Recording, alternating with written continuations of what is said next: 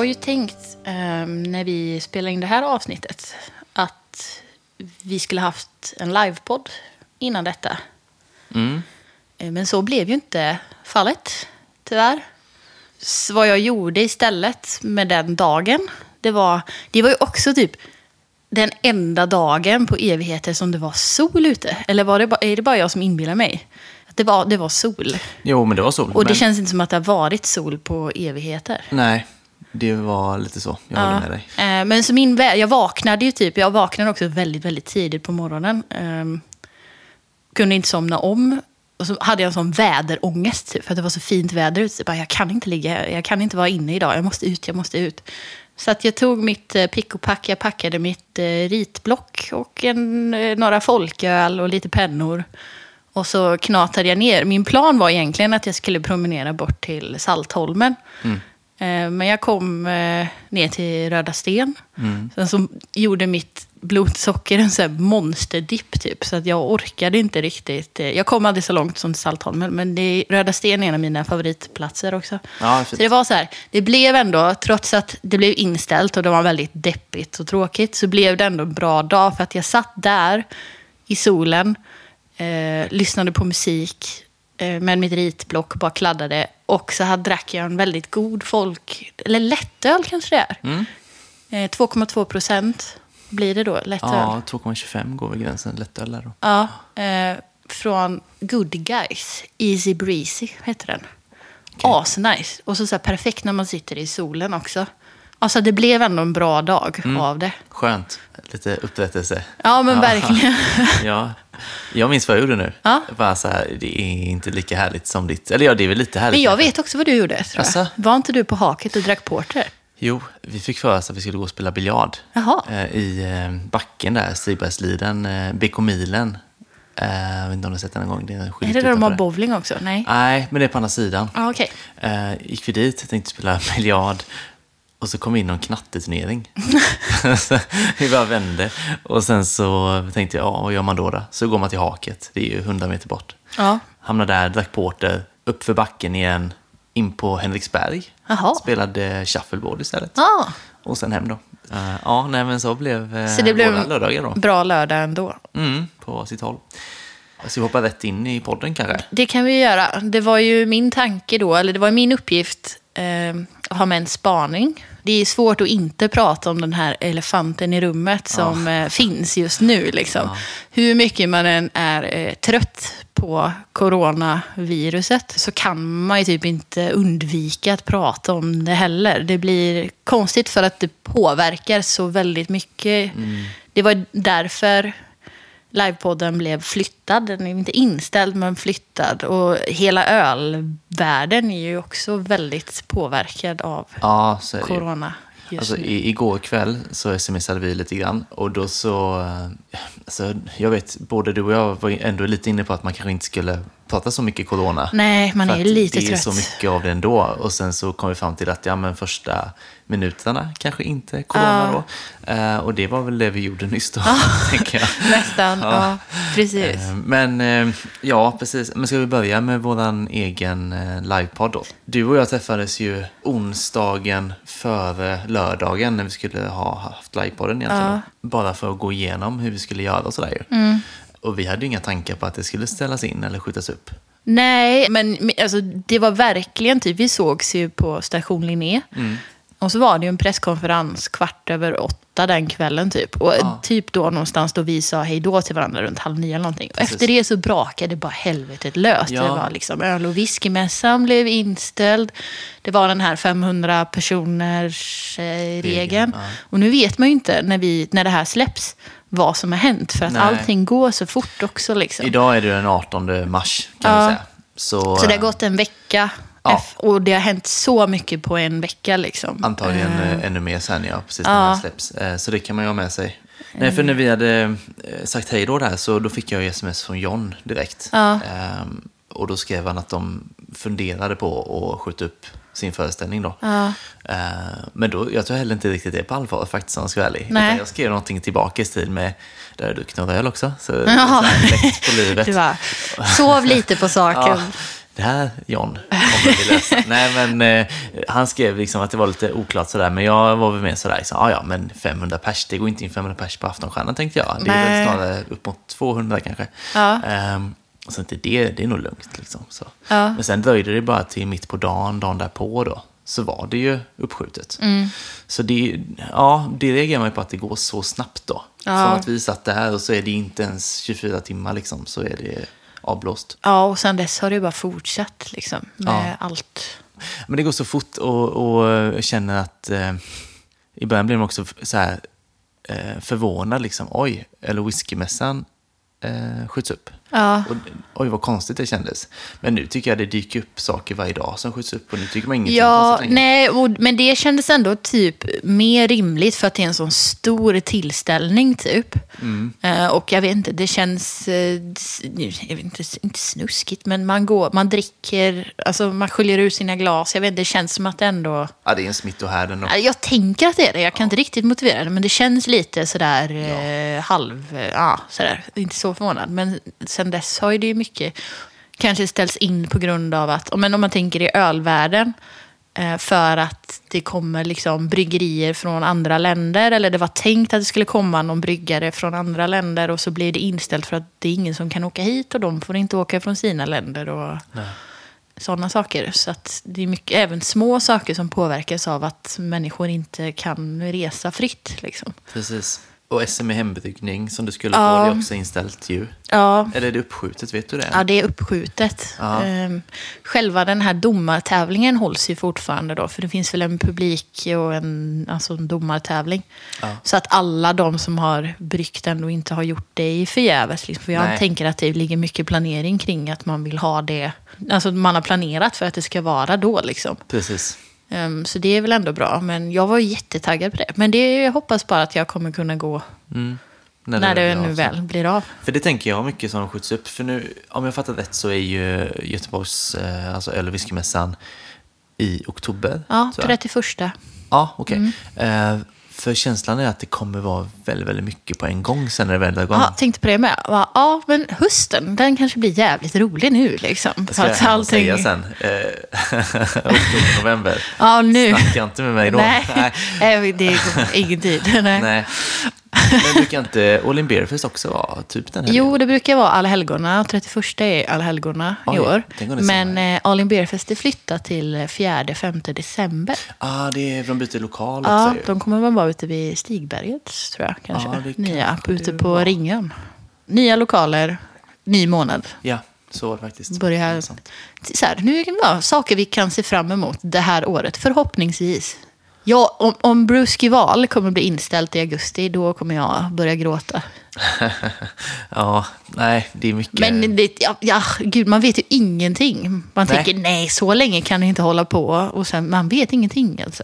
Det Nej, det vet man inte. Vi snackade lite här innan om att jag har tankar på att så här sympati eh, stödja olika verksamheter så. Mm. Kommande dagarna och sådär. Men det är, ju- vi sa också det att det är så här svårt att veta. Kommer Ja. man kunna liksom gå till sina barer och så vidare överhuvudtaget? Det kanske man inte kan.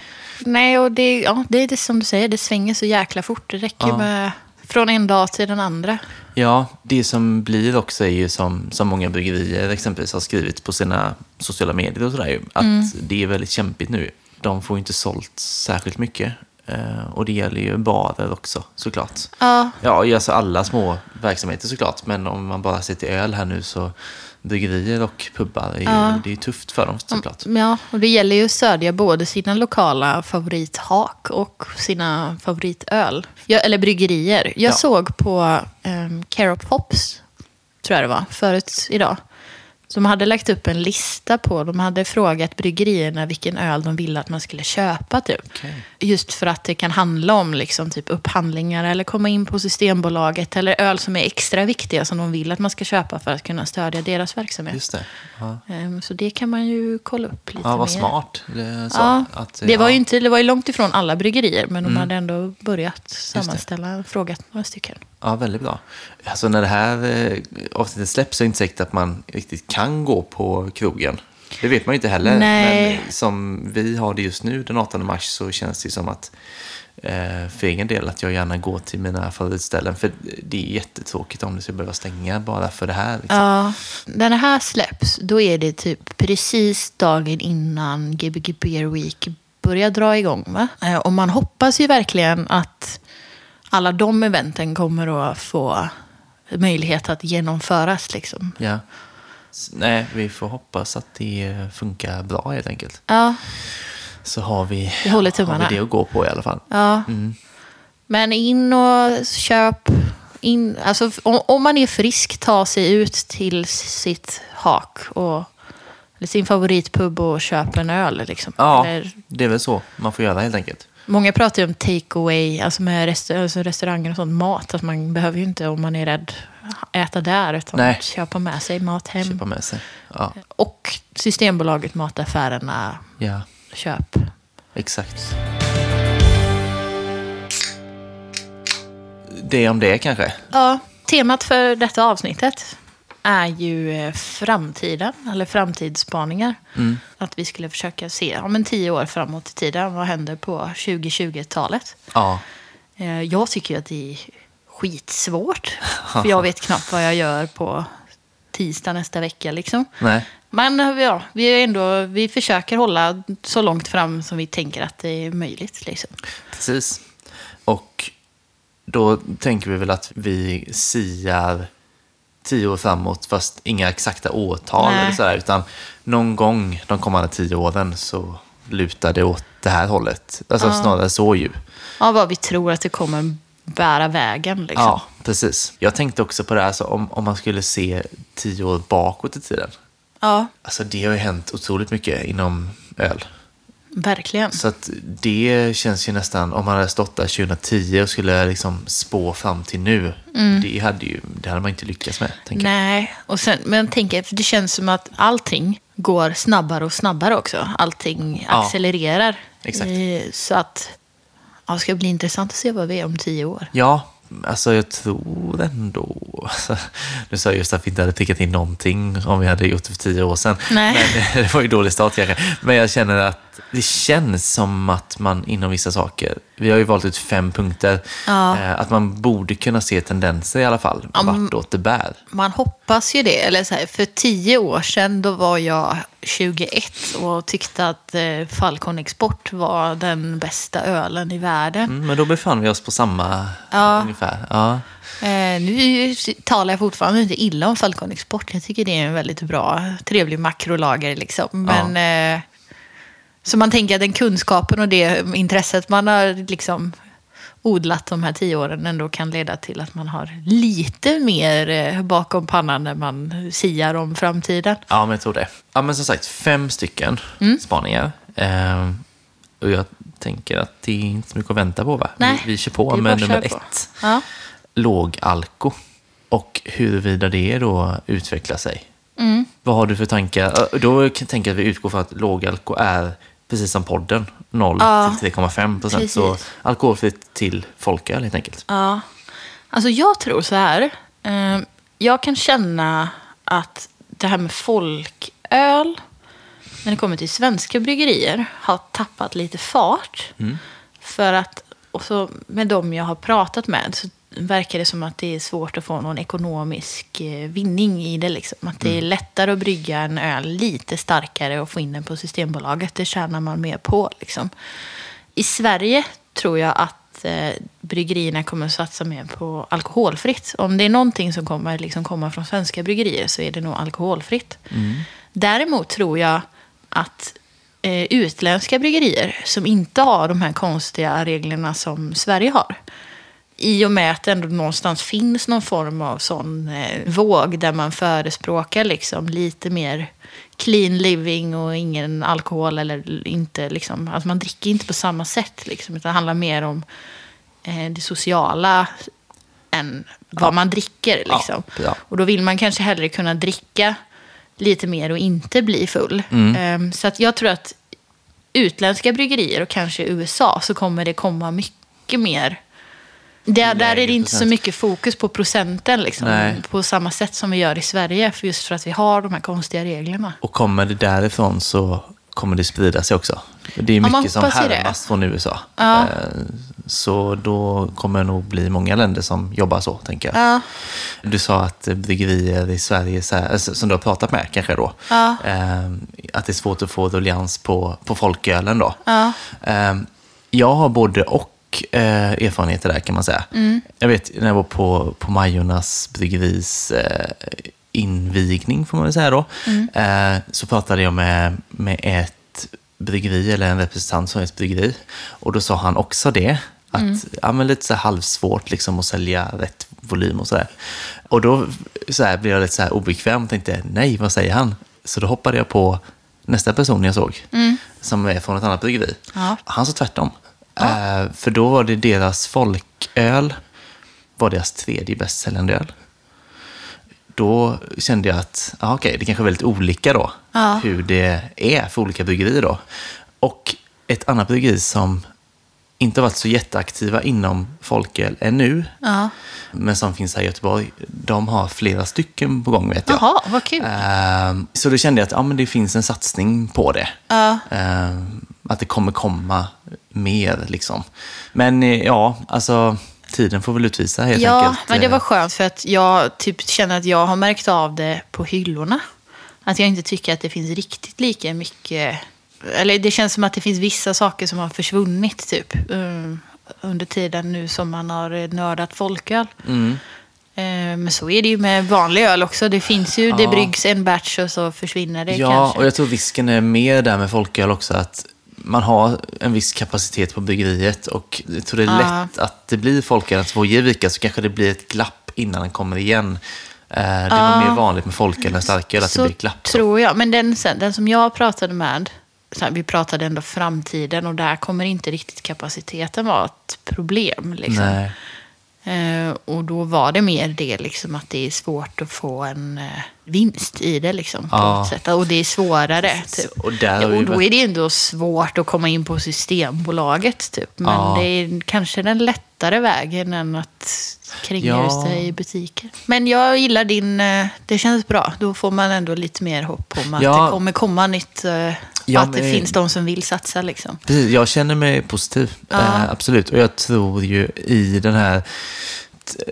Jag skulle vilja kalla ändå att det är en trend nu att dricka lägre alkohol. Eh, och som vi varit inne på i någon tidigare podd, främst bland yngre och främst i storstäderna. Men jag tänker att det där kommer att sprida sig. Jag är ju själv från en, en mindre stad från början. Eh, och man märker att allting haltar Ja, två år jo. typ, mellan Göteborg och den här lilla småländska staden. Men tänker du inte att folk vill dricka mer alkoholfritt än att dricka en 3-5 som då inte gör att du blir full, Mm. men heller inte är, jag tänkte säga lika bra i smak som, det handlar om vilken ölstil man pratar om. Ja, men, och vilket bryggeri och mycket så egentligen. Jo, men det är ju svårt att få en IPA.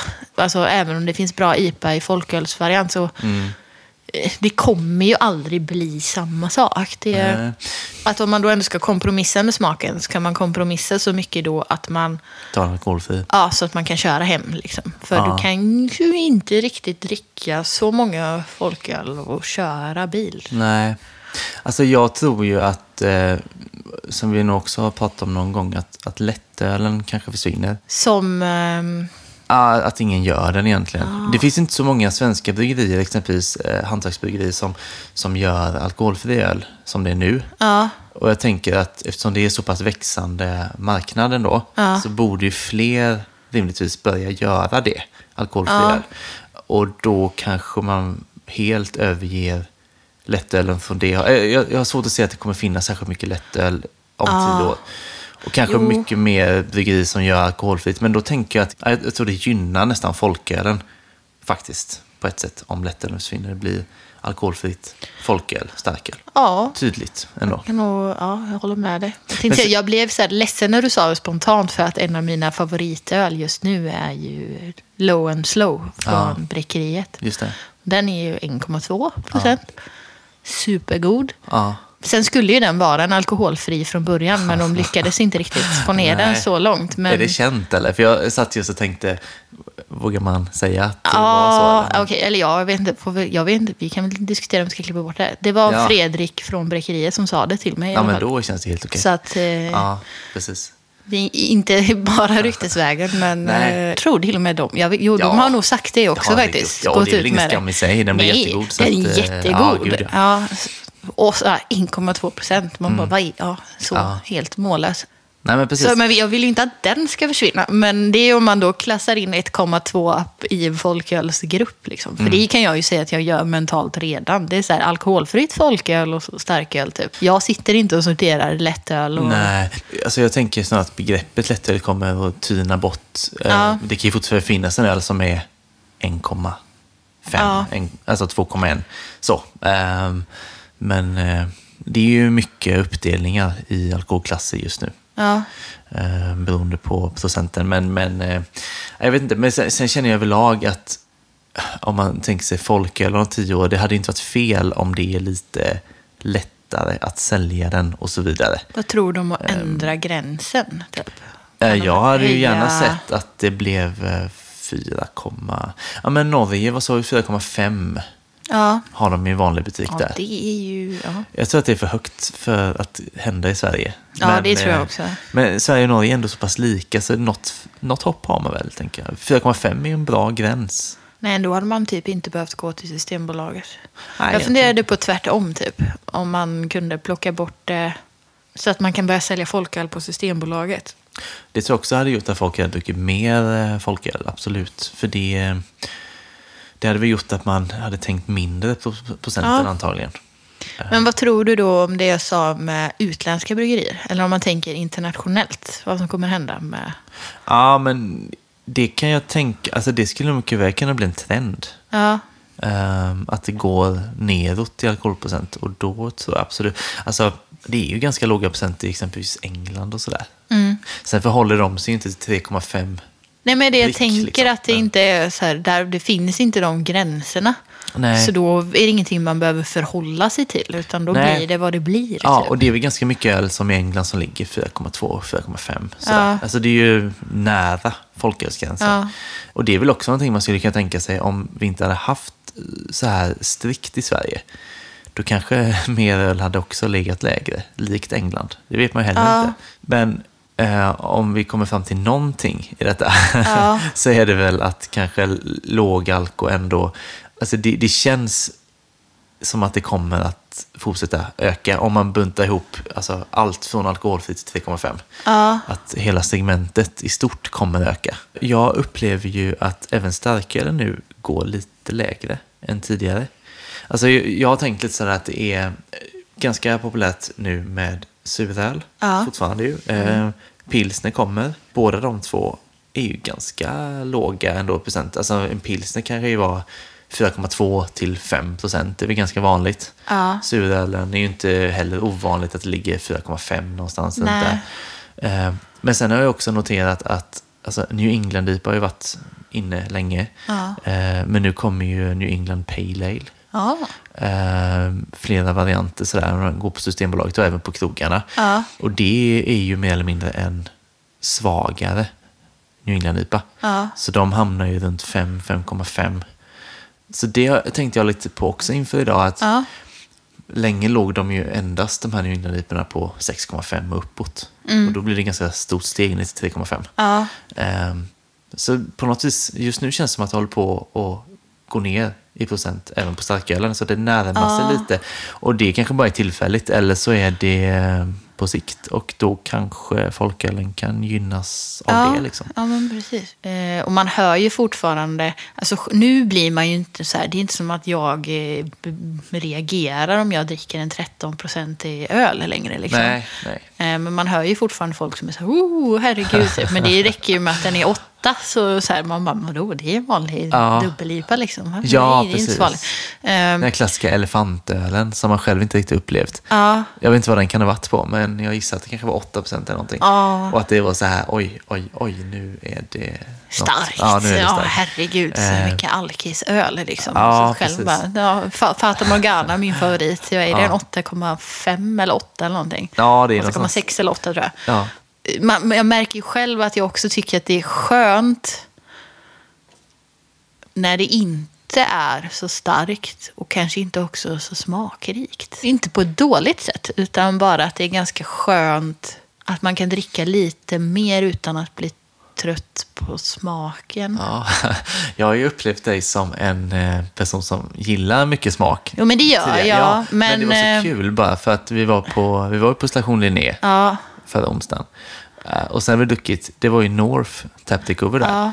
Och vi har druckit två eller vad tror jag. Eh, Och det hade ju varit ganska fullmatad öl liksom. Ja, men det var så här. Det var, först så var det en sån här suröl med så här triple fruited gose och det var liksom packat med frukt liksom. Och Ja. så supersurt och supermycket frukt. Och sen så, så här, gick man på en dubbel-IPA efter det och det är ju jättemycket smak också. Och nu var jag så här bara, ja, okej, vad ska jag dricka nu? Jag vill inte ha en stout. Nej. Och så här, nej, men jag vill bara ha något som är typ lite mer än ett glas vatten typ. Eller men så här, det men var du, något du som... frågade ju han i baren där. Att, du sa jag vill ha något som Inte smakar så mycket, ja. Och då kände jag att ja, nu, nu har det... Då var du lite vänt. stolt över mig. Ja, men lite. Och så, och så sa du typ att, eh, ja men, eh, du sa just att du kände dig lite gubbig. Ja. Då, då trumfade jag ju dig och beställde Ja. en- bitter på Just 4,1 procent. Och sen så, ja, var det färdigsnackat. Det var ju också en sak som jag aldrig har druckit innan. Nej. Bitter. Nej. Jag var inte bitter alls. Jag Nej, kände mig eh, inte. lurad faktiskt. Ja. Ja. ja, så gick det till. Eh, men är vi eh, redo för nästa då? Yes. Nummer två, framtidsspaning. Mm. Eh, där har vi gårdsförsäljning. Och huruvida vi tror att det kommer bli av eller inte Mm. på tio år nu då. Hur tänker du? Alltså jag, jag, jag, jag är skeptisk. Jag vet inte. Vad tänker du? Jag vill höra vad du tänker först. Ja, Eh, helt blankt här. Jag har ju väntat på dig. Ja, men, det är så. Nej, Nej. jag har kvar. Eh, tror jag. Men, nej, men så här, jag har också, jag har väldigt svårt att tro att det blir av faktiskt. ja, på tio år. Alltså, tio år Sverige, tid. politik, det är trögt alltså. Ja, jag tänker verkligen att, alltså, som jag ser det så skulle det inskränka ganska mycket på Systembolaget. Det skulle vara ganska mycket alkohol som säljs utanför Systembolaget plötsligt. Ja. Ehm, alltså, jag tror inte de kommer besluta om det helt enkelt. Jag, Nej, det är ju det är klart det skulle gynna bryggerierna, men inte staten. Och jag tänker att det är svårt att bygga upp ett system som gör... Alltså, så det kommer alltid finnas folk som missbrukar det. Liksom. Ska man tillåta det lilla lokala mikrobryggeriet att få sälja från gården, men ska då Carlsberg få öppna sin egen butik på bryggeriet? Liksom? Ja. Eller, nej, men precis. Mm. Då får man ju reglera det väldigt tydligt. Men det känns som att det ändå är svårt att få det tydligt. Ja, det är om det handlar om någon så här, att man producerar en maxvolym, typ. Att man inte får producera mer än så här mycket. Fast det tar ju också liksom bort... Ja, Nej, jag vet inte. Det... Nej, och jag tänker också så här med, med prissättning och så vidare. Alltså det, det känns ju som att det skulle bli billigare att köpa öl på ett bryggeri exempelvis Ja. direkt från dem utan mellanhänder.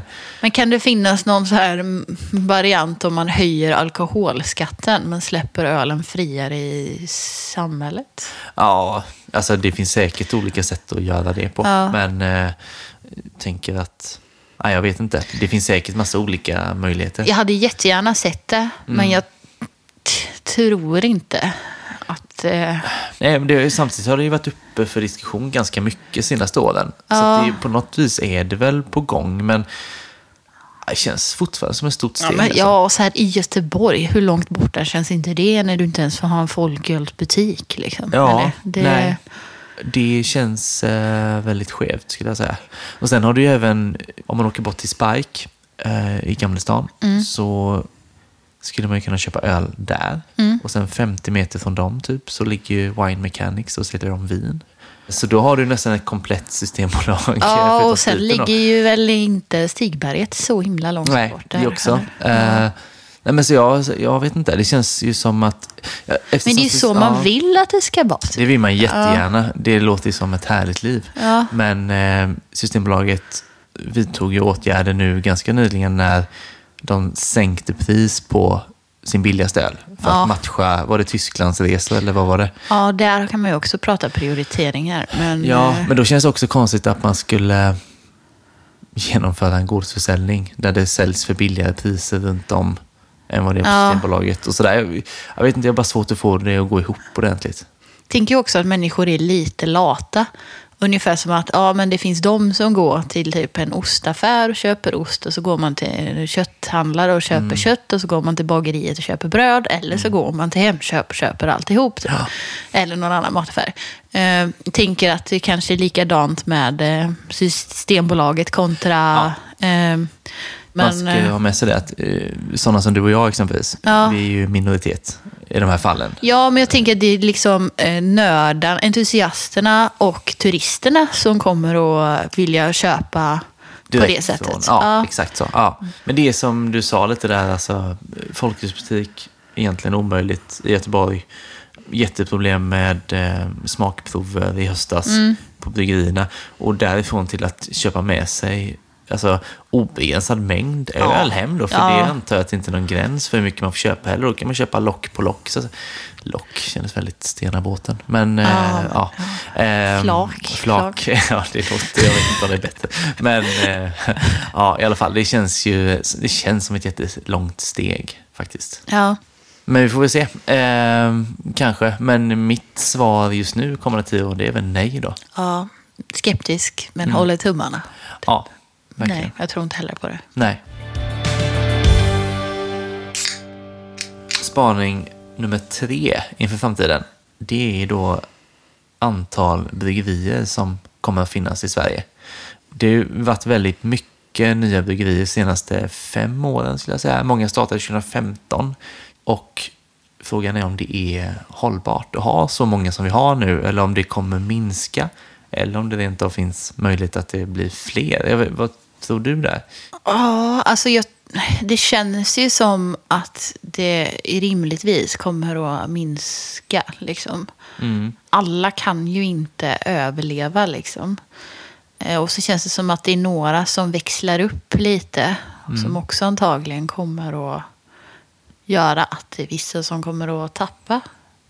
Mm. Så att det känns, det känns liksom eh, som att det kommer bli ske naturligt att det är vissa som inte kommer att överleva. Sen kommer det nog hela tiden finnas de som kommer att försöka. Alltså att det kommer alltid komma nya som Ja. vill komma in. Liksom. Eh, Men det är svårt att tänka vad som fattas typ, i, i, på marknaden som gör att någon skulle kunna slå sig in. Liksom. Att nu det finns det ett överflöd typ, av allt. Det är nog för många. Det är väl en bit över 400 bryggerier i Sverige just. Ja, och det är väldigt mycket för ändå ett så pass litet land. Ja, ja, men det är ju faktiskt det. Och många är ju ganska små med, med alltså en eller ett fåtal som Ja. jobbar där. Och jag tänker att alltså, det är ju ingen glamorös tillvaro Nej. på något vis att ha ett bryggeri, utan det är ju mycket jobb och det är inte så stora marginal heller. Sådär, så att, jag tänker att man kanske inte orkar hur länge som helst heller. Man kanske drivs av eh, verkligen viljan att ha ett bryggeri, men hur Ja. länge går det om det inte funkar riktigt ekonomiskt, exempelvis då? Nej, men precis. Ehm, Så jag tänker väl också så att det kommer antagligen försvinna en hel del. Och komma till några nya säkert också Mm. ju. För det, det är ju ingen som säger att det inte kan komma nya bryggerier. Jag tror att det är viktigt att, eh, alltså de som startade för fem år sedan och sådär, då kanske det räckte med att man gjorde bra öl. Mm. Jag tror inte det kommer räcka riktigt nu. Jag tror det är så här, en, en röd tråd, liksom en identitet för bryggeriet. Det Ja. tror jag blir jätteviktigt. Eh, både för de som finns nu och för eventuellt nya bryggerier. Då, så att man liksom tydligt så kan känna med ett bryggeri liksom, att ah, det här är mitt bryggeri typ. Och så, Ja. Alltså bilda Ja. en sån, sån fanbase nästan. Precis, och jag Ja. tänker att det handlar både om typ hög kvalitet på det man eh, levererar, alltså ger ut Mm. och också typ ett tydligt varumärke som vi pratade om i förra avsnittet med. Och det Ja. blir nog ännu mer viktigare i framtiden att man också har en stark identitet. Typ en eh, tydlig, liksom.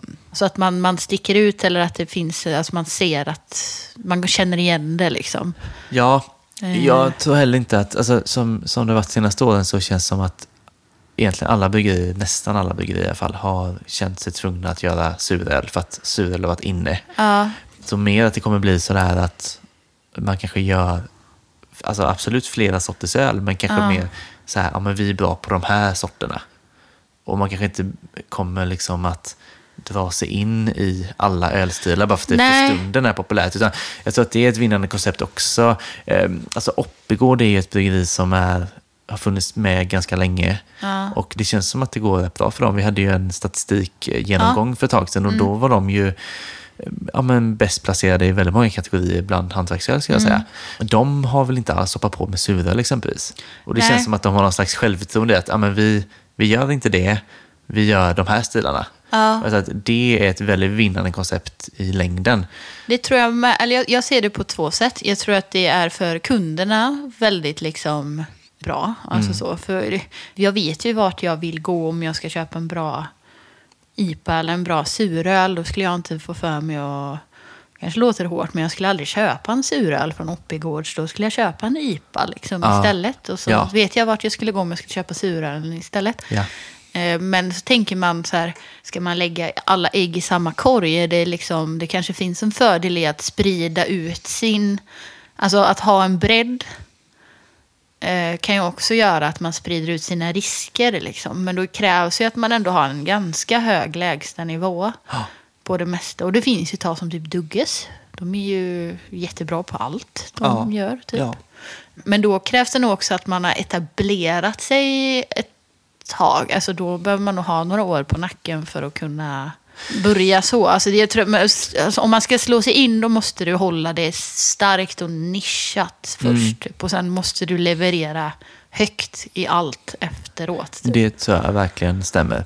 Du sa också någonting va, om eh, alltså vissa bryggerier som har en eller några personer och så vissa som du sa har växlat upp. Liksom. Ja. Och, och det är frågan där, alltså, det är inte givet att bryggerier med få personer ryker först. Nej. Man kan känna ibland att vissa bryggerier som har växlat upp väldigt mycket och har stor kostym, det är ju en vågad satsning på ett Ja, sätt. och det gör mig lite nervös. För det är ganska många som växlar upp nu. Mm. Eh, när man också börjar prata om det här med att det är några som måste, man ska sålla agnarna från vetet Mm. ja, lite. För då måste man ju sälja mycket också. Ja, och man måste antagligen investera väldigt mycket. Så att det måste ju räknas och så måste man antagligen chansa lite. Och så, ja, jag hoppas ju verkligen att det går vägen. Liksom, för, eh, Det är helt klart. Och sen, alltså, nu skulle vi inte nämna det, men det är ju coronatider. Ja. och det känns som att det kommer antagligen att skynda på den här eh, processen med bryggerier som försvinner. Ja, verkligen. Ja, det är så svårt att... Alltså jag, tänk, ja, för mig blir det så, jag tänker folk fortfarande, men det är ju krogarna det drabbas. Det som säljs på krogen antar jag. Och det är väl där många bryggerier har det mesta. Ja, Mycket som inte finns, alltså det dyker upp mycket som aldrig finns på Systembolaget. Liksom. För att jag tänker att folk kommer fortfarande gå till Systembolaget så länge vi inte sätter oss i Nej. husarrest. Liksom. jag läste idag att eh, Systembolaget hade ju planer så här så att de ska hålla öppet Ja. no matter what, mer eller mindre. Då. För att då, ifall folk blev sjuka som jobbade i butikerna så skulle man i så fall plocka folk från huvudkontoret. Sådär. Jaha. Ja, Det är lite kul faktiskt. det är viktigt att svenska folket får sin eh, Ja. alkohol i dessa den- jobbiga tider. Så den kanalen, just Systembolaget, den, den kommer väl fortsätta vara stark. eh, Även Ja. om det är lite jobbiga tider framöver Ja. eventuellt. Men som sagt, krogarna, restaurangerna, ja, där vet man inte riktigt hur det blir. Det är inte alla Nej. bryggerier som har så mycket öl på Systembolaget. Nej. För det, man, man känner ju väldigt mycket för dem sådär. För att, alltså även om både du och jag tror att på en tio, tioårsperiod och kanske ja, kortare tid än så, så kommer det försvinna bryggerier. Ja. Så, det tror vi båda två då. Men det är ändå tråkigt för att om det skulle ske drastiskt nu på grund av coronaviruset eh, så känns det så här, ja men de har ändå det är så många bryggerier som har jobbat så hårt i Ja. många år och så kommer det någonting som de själva inte kan påverka och så kanske de går omkull bara för det Ja, då. Det känns så uh, ovärt verkligen. Ja, och så här, det finns, jag har så många svenska favoritbryggerier Mm. som jag verkligen vill ska finnas kvar. Men jag har varken plats för att gå och stödköpa och inte pengar heller till att gå och stödköpa till Nej. alla. Liksom. Eller så här, att jag, om jag ska kontinuerligt handla från alla för att jag vill att de ska vara kvar. Så mycket öl dricker inte jag. Eller det gör man ju inte. Men, Nej. Nej, men man vill ju verkligen att alla de... Man vill inte att de ska försvinna. Nej, det vill man inte. Men det kommer bli färre. Ja, det tror jag. Stensäkert. Ja, det, jo, men det kommer. ja. Det kan inte. Är det där vi summerar det med? Ja, liksom? men det, Ja. Alltså, det, det är nog för många typ nu, skulle jag säga. Och eh, ska man vara stenhård så kommer det väl kanske leda till att det generellt blir högre kvalitet. Alltså det är väldigt hög kvalitet, Positivt. Ja. tycker jag så här generellt på svenska bryggerier så, men det är klart att de som i så fall försvinner kanske på något vis har lägre kvalitet. Det behöver inte vara på ölen just, det kan ju vara som sagt identitetsmässigt eller vad som Ja. helst som vi var inne på, men det känns som att det kommer, alltså ribban kommer liksom höjas lite och då åker några bort ja. och ribban ligger kvar, så kan man säga. Fjärde spaningen. Där tänkte vi oss kvinnor inom öl. Kommer andelen kvinnor på bryggerier och på ölkrogar, alltså mer, alltså inte krogen överlag, utan ölställen så, man går ut och dricker öl. Kommer det att bli en ökning där? Det är ju ganska skevt som det är nu. Ehm, Det finns ju kvinnliga bryggare, men inte särskilt många. Eh, Och är man på en eh, ölbar så det är ju inte 50-50 män kvinnor.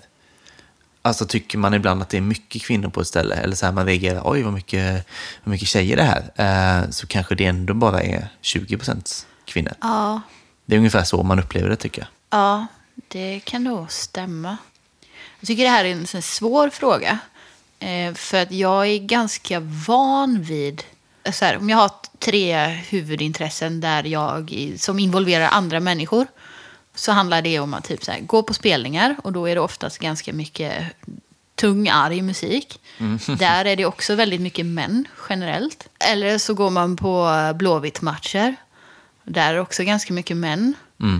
Eh, och i ölvärlden så är det också ganska mycket män. Eller det är mansdominerade. Alla de tre intressena är så här mansdominerade. Ja. Ehm, så jag, jag är ganska van, eller så, så jag reflekterar inte över det så mycket. Eh, och jag kan inte... Alltså jag kan tänka mig att det, det liksom finns... Jag har nog varit mer rädd för att bli dömd som tjej. Eh, än vad jag faktiskt blir dömd av andra. Eller vad jag har upplevt liksom. Sen har jag ändå, alltså vet väldigt många andra som faktiskt har blivit... Eh, det finns väldigt många, mycket män där ute som också inte gör det så lätt för kvinnor att vilja vara med i, den, öl, alltså i den ölkulturen. Liksom.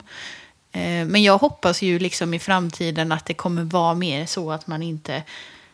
Att det, att det kommer vara mer kvinnor och att de liksom tar plats.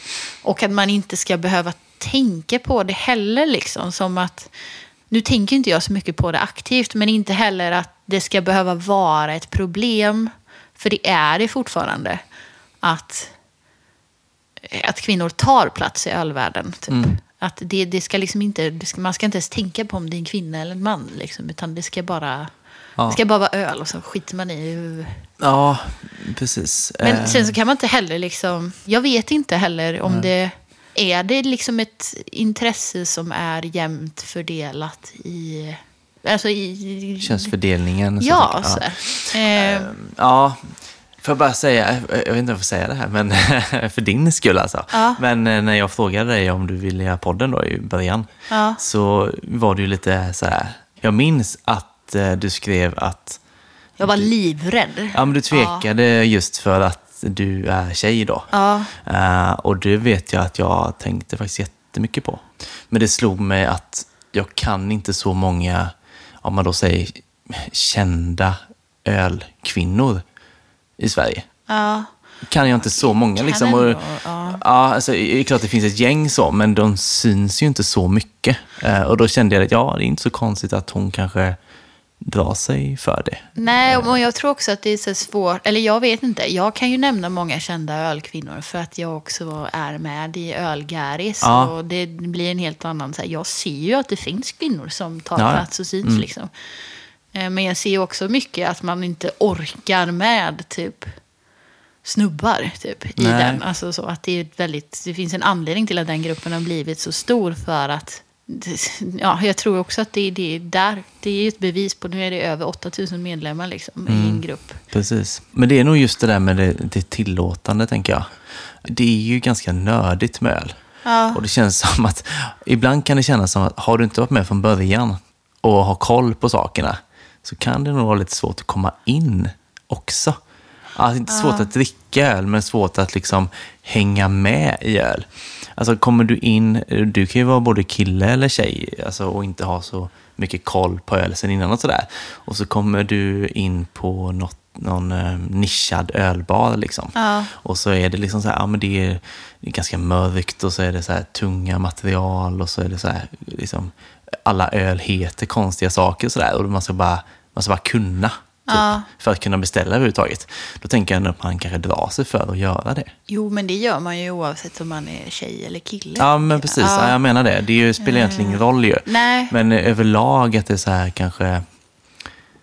Alltså jag upplever egentligen öl-Sverige så som, som väldigt alltså, inkluderande i grunden. Ja. Men det kanske inte är så lätt att komma in i det om man inte är van vid det. Och det kan nog verka väldigt eh, ja, men grabbigt eller gubbigt, vilket man nu väljer. Ja. Liksom. Eh, för det är på något vis lite designat för att tilltala män på något sätt. Ja, jo men så är det ju. Men jag vet inte heller hur jag hade velat förändra det för... Jag hade bara velat känna att man var mer eh, trygg i att typ ta plats. Eller så här, Ja. för jag kan bara tala från mitt eget perspektiv. Just för att jag var väldigt rädd för att göra podden från början. Mm. Ehm, För att jag bara, alltså jag kommer bli så, vad jag än säger så kommer jag bli dömd tio gånger hårdare för att jag är tjej och säger jag har en åsikt liksom. Och så tror jag att det är. Ehm, Men det som gjorde att jag sen valde att göra det var ju också för att jag såg en, jag vet ju hur jag är som person också. Och jag är en så här prestationsmänniska och jag vill, inte, så här, jag vill inte säga fel saker och jag kanske då hellre undviker att säga något än att säga någonting som är fel. Eh, nu har jag ändå så här, med den här podden fått öva ganska mycket på att ha åsikter om saker som jag kanske inte heller hade spottat ur mig så mycket tidigare. Liksom. Och också få ställa dumma frågor. Jag har varit rädd för att ställa dumma frågor för att jag också har varit rädd för att bli kritiserad. Liksom. Eller klassad som korkad. Eller liksom, ja, Ah, så här. Men och, jag blir fortfarande, men ibland så, eller jag, har mindre, jag är mindre rädd för att ställa dumma frågor. Eh, Men det är ju så här, det är en pe- personlig nivå. Jag tycker det är en svår fråga. alltså. För att som sagt, jag vill helst bara att man inte ska tänka så mycket på så här, tjejer och killar. Alltså så här, Nej, så bara dricka bärs och alltså spelar ingen vad, är det för kön? Det spelar Nej. ingen roll. Liksom. Dit vill man ju Eh, komma. Och att det då, men det handlar ju mer om, då om att man ska känna sig välkommen. Mm. Och jag gör ju ändå det. Liksom. Mm. Så, men det är ju kanske inte alla som gör det. Och jag vet att inte jag har nog turen att vara så här omringad av fina, alltså jag har bra ölkompisar liksom. Som, Mm. Mm, Jag har aldrig liksom, jag kan inte, kan inte komma på att jag har stött på någon sådär som riktigt har sågat mig hårdare på vad jag säger för att jag är tjej. Men jag vet inte. Jag har ju Nej. också inte hållit på med det här så himla länge. Så att Nej. det kanske, ja, jag vet inte. Men som du sa, där, Ölgäris och även Femmail här i stan. Ja. Eh, Alltså jag tror att det där är alltså, väldigt viktigt så. Jag tror att det är också väldigt viktigt för att det är så trygga forum som gör att man blir backad och inser att nej, men mina åsikter är inte så dumma eller liksom så. Och sen så kan man nog våga sig ut. Det låter som att folk sitter hemma och är rädda för att gå ut och Ja, ja, dricka men- öl. Men ja. eh, att man, man känner sig mer trygg i, vid sitt öldrickande. Liksom. Precis. Men jag tänker att det handlar mycket om hur man blir bemött på barer. Så att det är väldigt mycket upp till eh, Mm.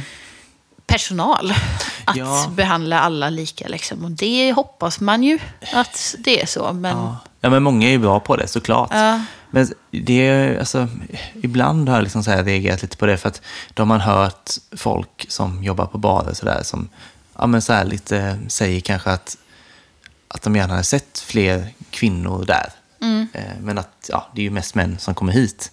Och då har jag ändå känt att ja, alltså det går ju. Alltså, det finns ju inget enskilt recept på hur man lyckas med det. Men det går väl ändå att göra saker i den riktningen, tänker jag. För att Jo, men få så det dit. ja, så är det. Och, men jag kan verkligen inte svara på den här frågan. Men är det liksom... Alltså så här, man kan inte Nej. tvinga folk till att ha intressen. Eller sådär. Att man kan inte få folk att göra saker om de inte vill. Nej. Och finns det då ett problem. Sen är det det som sagt, om folk är rädda för, alltså så här, man har ett intresse men inte vågar liksom interagera, då är det ju problematiskt. Liksom.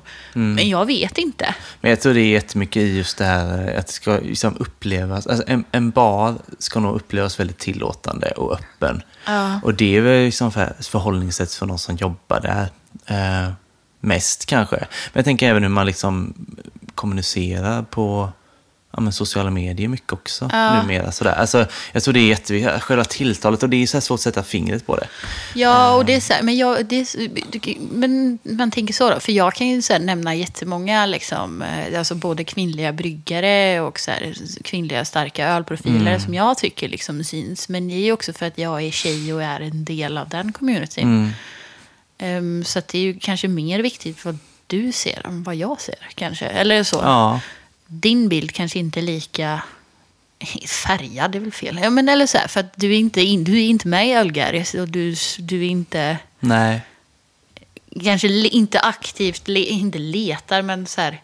Det är jättemånga kvinnor där som inspirerar mig eh, varje dag. Liksom. Ja, precis. Jag kan säga så här, när jag hade följt så hade jag ju en, eh, ja, men så här, i min telefonbok, säger man så fortfarande? Alltså jag. i kontakter med Ja. bryggerier och ja, allt inom öl. Så. Ja.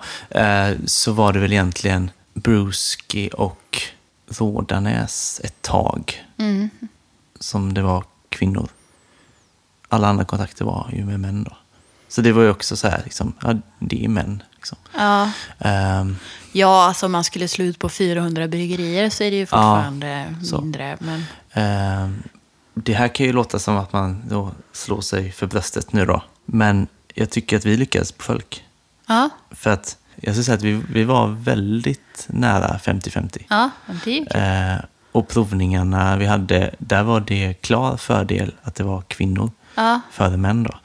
Ehm, så det gör ju att jag kan känna att det borde kunna vara så på fler ställen. Ja, Och och då har, jag du säkert ändå, att- då har du säkert lyckats bygga en miljö där man känner sig inkluderad och inte exkluderad. Liksom. Eh, Men det var också så här, innan vi startade så var det en av grejerna. Liksom. Att Ja. få dit inte bara de som är alltså, de allra mest ölintresserade utan även de som liksom är lite nyfikna och sådär liksom, och vill lära sig. Mm. Eh, så det var ju inte bara ställe för ölnördar men det var, alltså, det var väldigt bra fördelning med, eh, mellan könen. Så. Eh, men så att säga, det, det är inte så att jag därför vet exakt hur man ska göra. Alltså det är väl, Nej, nej. man får liksom Nej. bara försöka. Men, ja, så att egentligen har jag ju inget svar fortfarande på hur man ska göra det, men vi hade det ändå så. Det, Ja. var, det var kul tycker jag.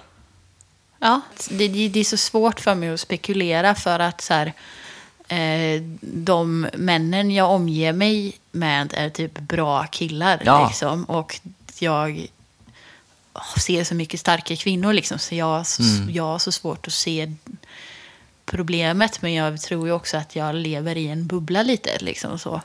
Eh, Så jag kan ju inte, så här, jag kan inte riktigt uttala Det känns jättekonstigt, jag borde kunna uttala mig om det. Men jag är bara tacksam för att jag Ja, känner mig inkluderad. Liksom. ja, ja precis. Alltså, jag tror att det kommer Ja, verkligen det öka. tror jag. Absolut. Ja, garanterat. Eh, det tror jag. Men jag tänker så länge det liksom ökar, för jag tror absolut att det finns många eh, fler än vad det är idag Mm. som, som skulle kunna vara väldigt intresserade egentligen. Men eh, alltså, man kanske drar sig lite just, just av den här liksom, eh, känns lite community-känsla ibland Mm. kring öl, på gott och ont. Och, alltså, tycker man att det känns liksom så här, ah, inte riktigt för mig så kanske man hellre går till istället och tar ett glas rött eller liksom en Ja. Eller vad som helst och inte liksom grotta ner sig med det. För att det är också härligt. Ja. Liksom. Ehm, mm. ja. Men det är väl inkluderande som är ordet antar jag. Femte och sista framtidsspaningen.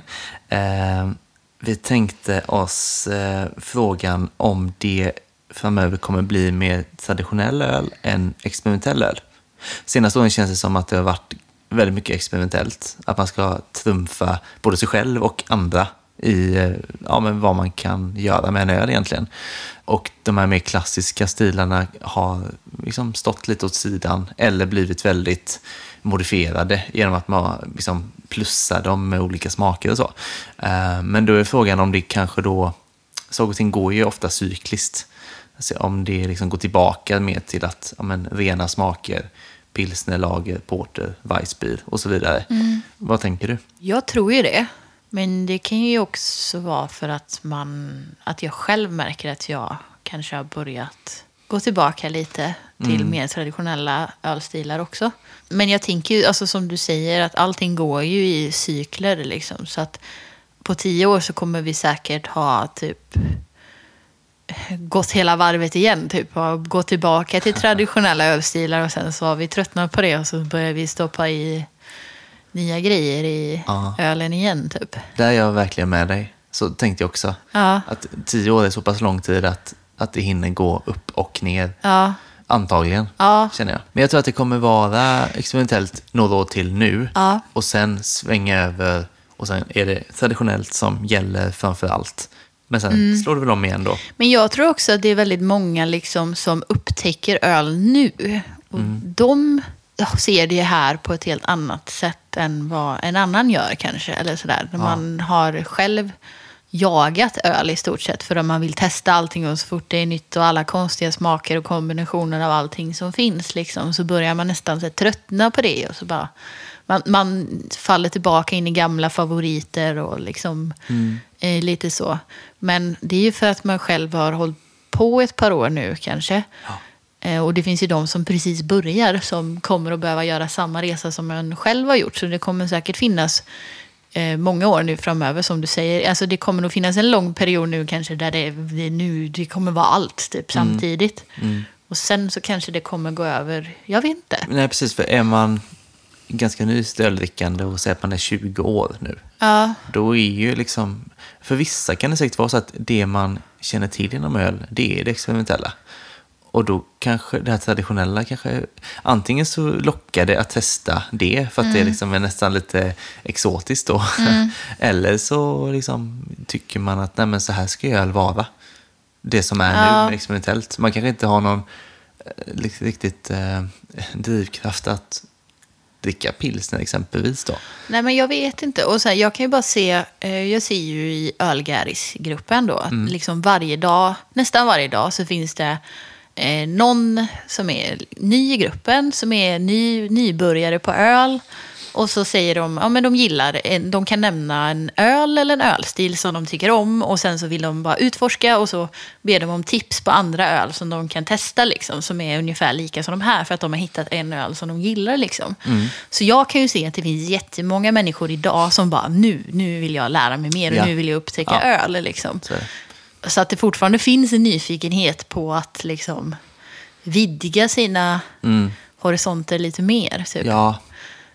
Men det, är- alltså det experimentella och det traditionella kommer ju finnas sida vid sida antagligen.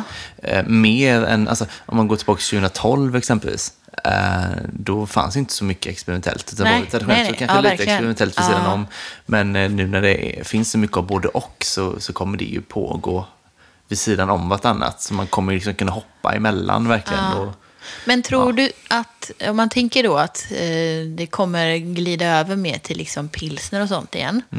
Eh, kommer folk då prioritera en hantverkspilsner istället för en makropilsner? Eller liksom en hantverkslager eller en makrolager? Beror ju för sig på priset också. Men jag tänker på Systembolaget om den ena kostar dubbelt så mycket som den andra. Liksom. Eller är det två olika... Det finns en typ av de som går på Systembolaget som alltid kommer köpa samma öl oavsett. Eh, och så finns det de som är intresserade av öl som kommer att göra en resa. Liksom. Ja, alltså, ja, precis. Det kommer finnas båda typerna, Mm. verkligen. Eh, som det gör nu också ju. Ja. Men eh, jag tror att man kommer fortfarande att så här, många ändå kommer ju premiera hantverket, tänker Ja. jag. Ehm, Och ska vi prata folköl så tycker jag verkligen att lager är eh, riktigt bra. Eller så här. ja, Det är verkligen en stil som gynnas nästan. Eller liksom... exakt. Jag drack i helgen eh, en öl från Keen Brewing. Vi drack ju en stout från dem ganska nyligen. Eh, de hade en lager då som hette Reborn Lager. Och då tänkte jag också verkligen på det att det, ja, det är toppen alltså. Det är, riktigt, riktigt verkligen bra, ja.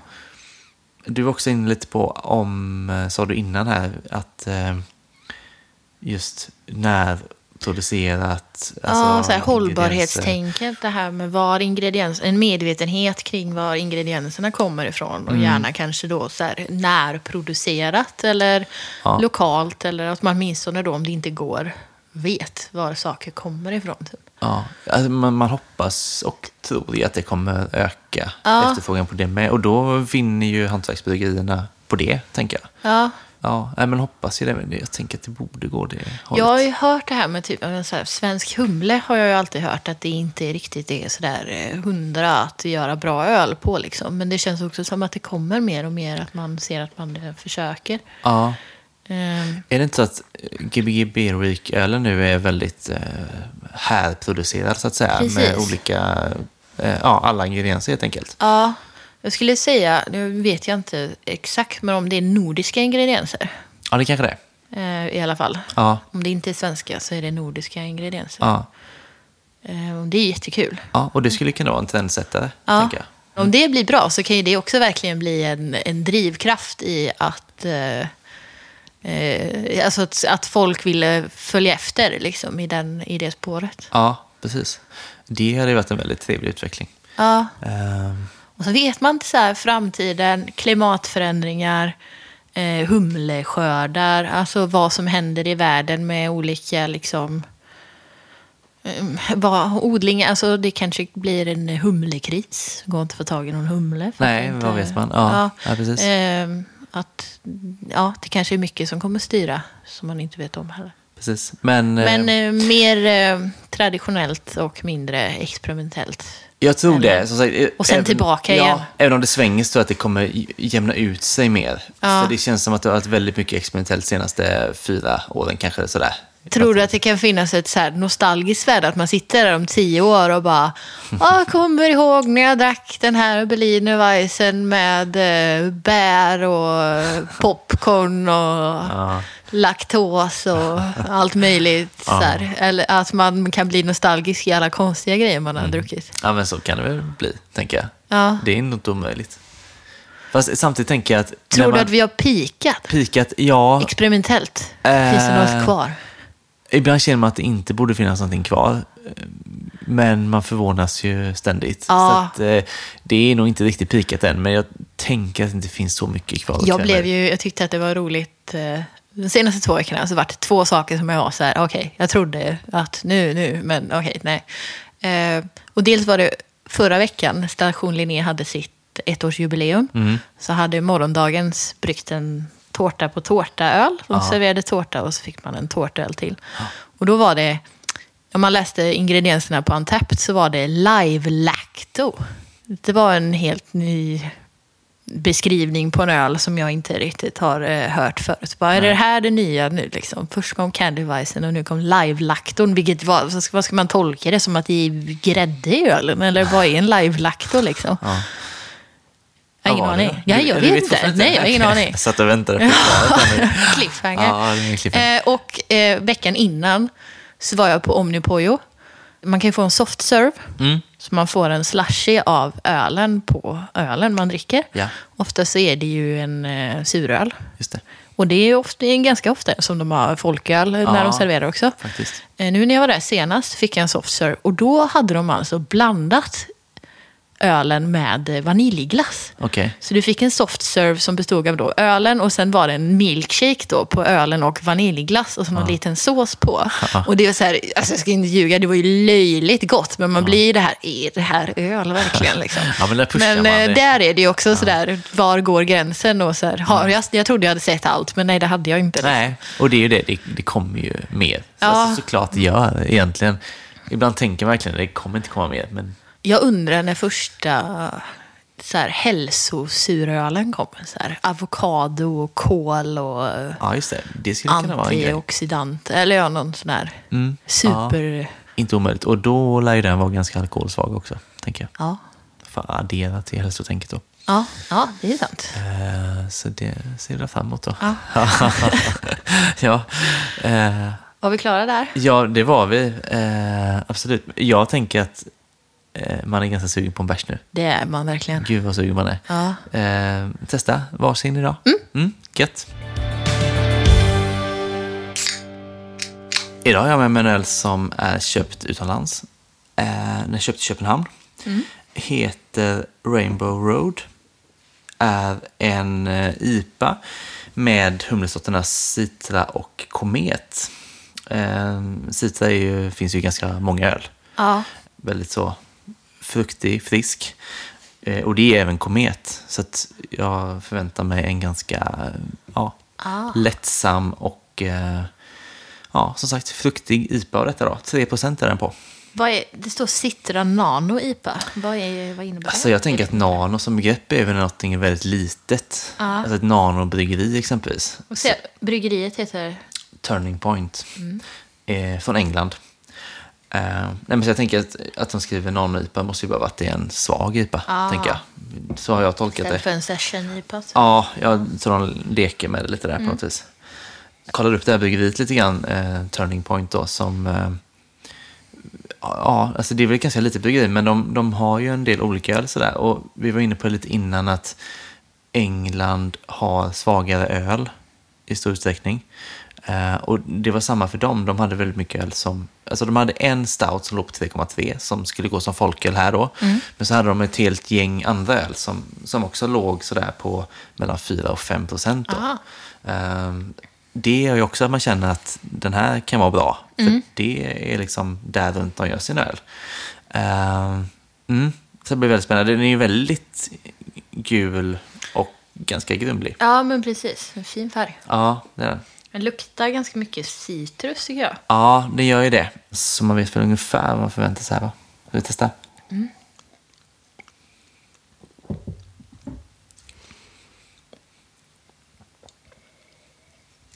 Mm. Jag tyckte den var väldigt god. Ja, den var både eh, väldigt liksom lätt och fräsch och så kommer den här bitterbeskan. Liksom. Ja, det finns en tydlig väska på slutet.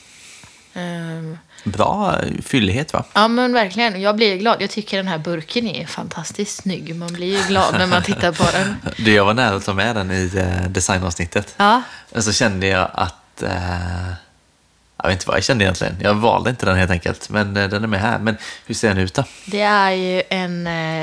Eh, den heter ju Rainbow Road, så att det är ju en eh, regnbåge. Och lite rymdbakgrund på den. Ja. Nu är det ju nog fler färger än vad det är i en regnbåge om man ska vara eh, petig. Men det är väldigt fint. Eh, Den var jättefin. Ja, Stor burk. 40, eller en, en lång burk, eller vad säger man? 44 ja, precis. Eh, sant. Alltså den påminner mig av ett gammalt Super Mario-spel jag spelat känner jag nu. Asså? Ehm, finns ett, ett Ah. Mario-spel och så är det en bana som är på... Eh, man kör upp i luften på regnbågar. Alltså. Det är väldigt likt det här känner jag nu. Okej. Det är nog inte därifrån de har fått det. Men eh, så associationerna flödar. Ja. Alltså jag tänker att det är så här man vill ha en folköls-IPA. Ja. Verkligen. Och den är Ja, den var 3 jättebra. då, så den är inte ens 3,5 riktigt. Nej. Nej. Så jag, eh, när jag betygsätter den här, så jag tänker att jag ger den 4,25. Mm. Tycker den var toppen. Ja, nu är det så här. Jag kan alltid, jag blir över, överanalytisk när det kommer de här poängen. Ja. Jag bara känner spontant 3,75. Ja. Men jag kommer inte heller ihåg. Jag vet ju, men det var ju också för att det var den första jag drack.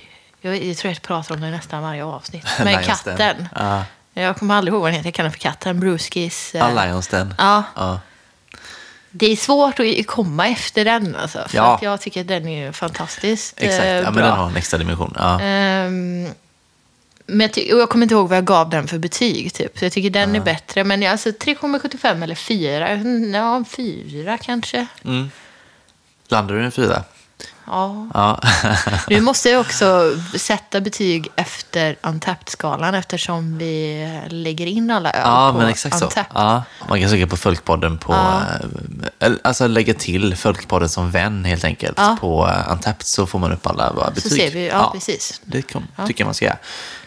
Allt vi provar i podden i alla fall. Ja, exakt. Ehm, så då måste jag sätta ett helt betyg. Ja, tack. Eh, ja, men då säger jag... Hur gör du när du checkar in dem? Tar du ett medelsnitt? Ja, alltså säg att du sätter 3,75 nu och jag sätter en fyra. 4,25, då blir det en 4. Ja, men då säger jag 3,75. Då blir det en 4. ja. eh, men som sagt, den här är köpt i Köpenhamn i höstas. Ja. Eh, alltså, antingen kiosk eller crate, eh, något av de ställena. Men, Great. Ja, öl och vinylställe. Ja, just det. Eh, Just det. Där kan den vara köpt, men det kan Ah. vara kiosk också. Eh, Så den är väl lite så halvsvår att få tag på, men eh, alltså, ja, som vanligt Ja. ser man den så köp den. Eh, och hur som helst så, nu är det svårt att ta sig till Köpenhamn just Ja. i dessa tider, men det finns ju mycket bra folk att köpa med sig hem faktiskt på de här Ja, ställena. kiosk har ju en webbshop också. Och du säger kiosk. Ja. Då kanske jag också ska börja med det. Jag vet inte vad det heter. Jag Jag bara- tillbaka där. Nej, Kiosk, kiosk. allt funkar. Bra. Bra. Det var min öl. Mm. Eh, då kör vi din tycker jag. Yes. Idag har jag med mig en uh, suröl från, nu är vi här igen, Puhaste, Pyhaste, Ja. Pu, Puhaste med ett tyskt y, Yes. estländskt bryggeri. Mm. Eh, och det man nästan att det är lite tema skåpsrensning idag. Din eh, var från i höstas, hade du plockat med dig. Och den Yes. här är köpt på Bruski Val. Ja, det är sådana Eh. tider nu.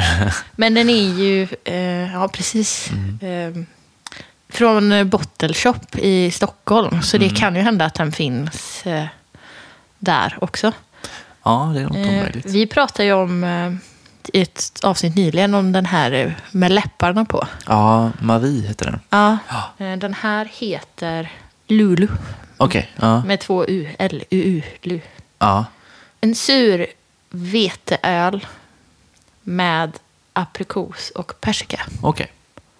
Det låter gott. Ja, den är ju, om vi nu pratar med om det här med design igen, jag tycker ju det här är ju, är ju väldigt snyggt. Ja, du gillar det? Ja. Ja, alltså det är ju typ lite som en Dali-tavla och Ja, det sen är- är den så här lite metallic typ Ja. också i Det är väldigt konstnärligt så. glans, glansvärdet på Ja, precis. Känns lite lyxigt. Ja, men det gör det faktiskt. Jag har inte sett jättemånga av deras öl, men Nej. jag kände att den här går ändå i samma klang lite grann som Ja. eh, Marieölen då, som vi har pratat lite om. Eh, Jag såg nyligen att eh, Bottle Shop i Stockholm har... Eh, för jag köpte en annan på Bruskival som Mm. hade en grön etikett. Jag tror att det var typ en gose med lime kanske. Det var Ja. Mm. lime i alla fall, en suröl. Eh, och den var på flaska då. Nu såg jag att den hade, de hade fått in den på burk. Okej. Så att det kan ju hända att, den, att det finns på Bottle Shop i alla fall. Ja, precis. Ehm, och jag vet, jag har sett på Ica i Götene har jag också sett på Haste. Ja. Göteborg vet jag inte. Nej, jag tycker det är jättecharmigt att det finns i Göteborg. Ja, Det är så med. otroligt oväntat, Ja. men det är ju superkul. Eh, ja, Ja, ska, ska de ha. vi Mm. testa? det ska vi göra. Eh, Färgen där, eh, gul typ. Eller vad säger man? Ja. Orange-gul. Brandgul, det är ingen som säger längre. Ja. Ja, Ja, det är den är ju mer gul än röd, men ändå lite orange. Mm. Eh, Jag tycker doften så här, eh, sma, eller den doftar syrligt. Den s- doftar inte så mycket frukt va? nej, men det... Ja, Det finns ju där. ja det men- luktar, doftar ju frukt, men jag tänker att den doftar... Alltså, den, jag tycker den doftar det den säger att det ska vara i, typ. Ja, Det här var jättegott. men jag gillar det med. Jag, jag tycker att det känns bra när... Vad sa du att det var för smaker i den? Det var Aprikos och persika. Persika, ja.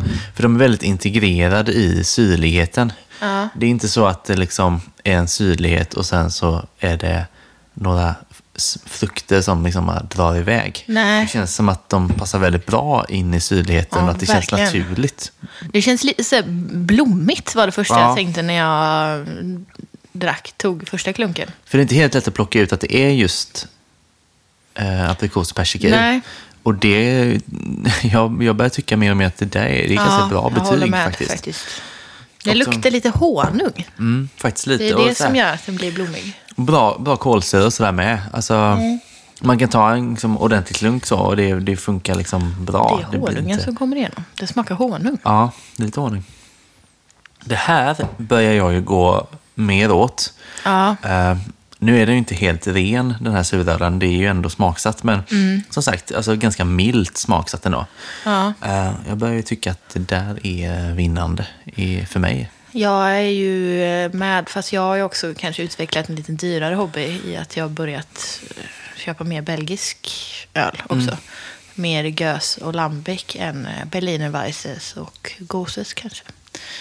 Så också lite mer, eh, ja, men som vi pratade om tidigare, med det här traditionella smakerna lite renare. Liksom. Ja, Ehm, precis. Ja, för det behöver inte vara supertraditionellt. Det kan ju eh, vara det här också. Liksom, ja, ja. Att det skalas ner lite grann. Ja.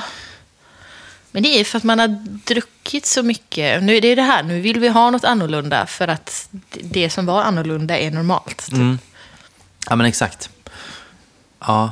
Nej, jag tycker också det här var superbra. Jag funderar lite på betyg sådär. Eh, Jag är nog beredd att säga fyra faktiskt. Jag är uppe i 4, 5, 4, 75. Ja, det är så pass? Ja, jag Ja. tyckte det var jättebra. Jag försöker tänka om jag har druckit någon suröl som jag tycker har toppat det här som vi har provat liksom, i något tidigare Mm. avsnitt. Vilket börjar bli lite svårt att hålla koll på nu. För det här är Ja. 16 avsnittet ändå. Jag kommer ihåg de jag har druckit i början. Ja. Sen är det ett stort så här blackout i mitten. Typ. Ja, ja, det är väl ungefär Jag vet inte så om det man var att beskriver sitt man... liv. eh, Ja, precis. Jag kommer ihåg de första åren, sen var allt en dimma. Ja. Eh, ja, men jag kommer ihåg fermenterarna vi drack typ, nej, i surölsavsnittet. Det är väl där jag kommer ihåg dem från. Ja. Jag tycker det här slår eh, det mesta i topp med bräckeriet. Liksom. Jag kommer inte ihåg vad jag gav bräckeriet. Den rips som vi drack. Nej, just det. Ehm, Den var, jag, jag gissar att både du och jag gav den 4,5, 4,75. Ja, så det, det och det, är någonstans där jag ligger. Men jag tycker det här var det är svårt att tänka att det här är en folköl. Den är också 3 som samma som Ja, det var också din. tre. Vad kul att båda var tre, Ja, för det är lite ovanlig otippat. grej egentligen. Ja, eller hur? Eh, nej, men jag säger 4,75. Gött. Vet du vad den kommer hamna på på Antapp då? Nej. Eftersom jag sa fyra. då kommer... Oj, 4,30. jag är ju så här lite, jag är ändå lite allsmäktig. 7,5. Eh, ja, nej, men den kommer fastna på 4,5 då. Ja. För då tänker jag att dela på hälften funkar inte riktigt på Antapped och då Ja, men höjer jag den gott. snarare. Ja, Så 4,5 fint. ja, det kommer bli fint för den. Ja. där. ja, men Ja. jag, ja, jättebra. Mm. Nu jag, har väntat länge med att dricka den här och jag hade bara en. Och så bara, ja, Ja. antiklimax. Ja, ja. Nu. Får åka till Götene. Ja, ja. Fast det var inte det här. Det var ju Nej. Marie som jag såg i Götene. Ja, ja, men de har fått in det nu, du vet. Jag hoppas det. Ja, det finns. Eller åka till Stockholm och leta kanske. Bottle Ja. shop. Ja, men exakt. Ja, bra betyg idag igen. Ja. Ja. Funderade på eh, nästa tema vi kommer ha. Ja. Den hänger ju lite i luften. Ja. Ja, för att tanken var väl lite grann att vi skulle försöka få någon gäst då. Ja. Eh, kanske någon som var med på Gbg Beer Week, kanske eventuellt. ja, för nästa gång vi spelar in så kommer det vara typ i mitten av hela Gbg Beer Week. Precis. Beroende på vad som händer. Men Ja. ja. Och, eh, men nu är det lite ovisst då. Så Ja. att vi vet ju inte riktigt vilka som kommer hit och om det blir något. Alltså, allt är väldigt sådär. Eh, Så det känns som att det kommer bli svårt att få till en gäst. Just för att ingen vet var man kommer befinna sig knappt. Sådär. Mm. Eh, Så vi får väl köra på egen hand, tänker jag. Ja. Eh, Kanske. Ja, kanske. Ja, vi får se. Men eh, eftersom vi inte riktigt vet så vi, vi hade en liten förhoppning om att folk som lyssnar bestämmer vad det blir. Ja. Att man helt enkelt kan skriva på Instagram, burkar och flaskor där, om man inte följer oss redan, så kan man skriva till oss ett meddelande vad man tycker att liksom, huvudfokus ska vara på nästa avsnitt. Så kan vi prata om det man skriver helt enkelt. Ehm, Det kan ju vara allt från liksom en ölstil. Mm. Vi har ju betat av några, men man kanske vill ha ett, man kanske vill ha ett surölsavsnitt till. Då kan man önska det. Eller om man vill Mm. ha mer IPA eller lära sig om något. Eller, eh, Ja, och det skulle också kunna vara ett, alltså man kanske har ett favoritbryggeri. ja, Så ja, kan ni prata om ja, Precis. ett bryggeri, så att säga, Ja. vilket som helst. Eh, och liksom grotta ner oss i det, så kanske vi kan liksom prova bara öl från det bryggeriet exempelvis. Alltså det finns ju allt möjligt verkligen man kan ja, göra. och ja, släng ut vad som helst. Alternativt att vi kör en omröstning med alternativ på Instagram. Men jättegärna klara så, Ja. ja, förslag. Det tar vi jättegärna Om, om vi inte lägger upp, alltså jag tänker vi kan inte köra lite omröstningar, men om vi har missat något så alltså det är fritt fram och bara Mm. önska saker och sen eh, Så plockar vi upp den Ja. bollen helt enkelt Mm. och så kör vi ett avsnitt på det. Eh, men det tror jag blir jättebra. Mm. Eh, det blir kul. Det, det kan ju bli lite vad som helst känner jag då. Ja, intressant för två personer med ganska starkt eh, kontrollbehov att bara Ja. släppa den bollen till Ja. någon annan. Det blir nog jättebra tror jag. Ja. Eh, så så blir det nästa gång. Eh, om man är Patreon Ja. så har man snart fått hela listan med våra fem Folkis Just det. toppbryggerier. Eh, när det här släpps så har vi släppt tre, alltså plats fem, fyra, tre. Mm. Plats två inom kort och sen är det bara plats ett då. Mm. Så vill man få del av eh, allt detta så blir man ju Patreon helt enkelt. Ja. Eh, Patreon.com, sök på Folkpodden, följ stegen, bli Ja. Patreon. Det är väl så man gör. ja, det är ju Eh, väldigt enkelt. Har du testat? Nej, men jag är inte Patreon än. Men du har ändå... ja, jag borde kanske bli det, men eh, än så länge inte. Jag tänkte om du hade testat att försöka bli Patreon. Men Ja, men jag vet hur man gör. Ja. Absolut. Ja, jo, men jag har, eh, jag, jag har koll på stegen. Ja. Eh, så det kan man bli, så får man ju liksom allt. vill man vara supersnabb så kan man bara googla också så direkt Patreon Folkpodden. Så kommer man direkt kommer rätt. direkt dit. ja, precis. Så det är jättelätt. Så kostar det en dollar eller valfritt högre belopp då, i, Mm. per månad. Och så får man då extra klipp helt enkelt. Och eventuella fördelar längre fram. Ja. Vad vet man? Eh, egentligen är vi färdiga där va? Ja, Så vi ska bara tacka de som Precis. också är med och gör podden på ett annat sätt. Det är bara du och jag som hörs, men eh, Ja. eh, John Dahlsten gör ju eh, gingen och Hannes klipper. Ja. Hannes eh, Boeryd heter han ju.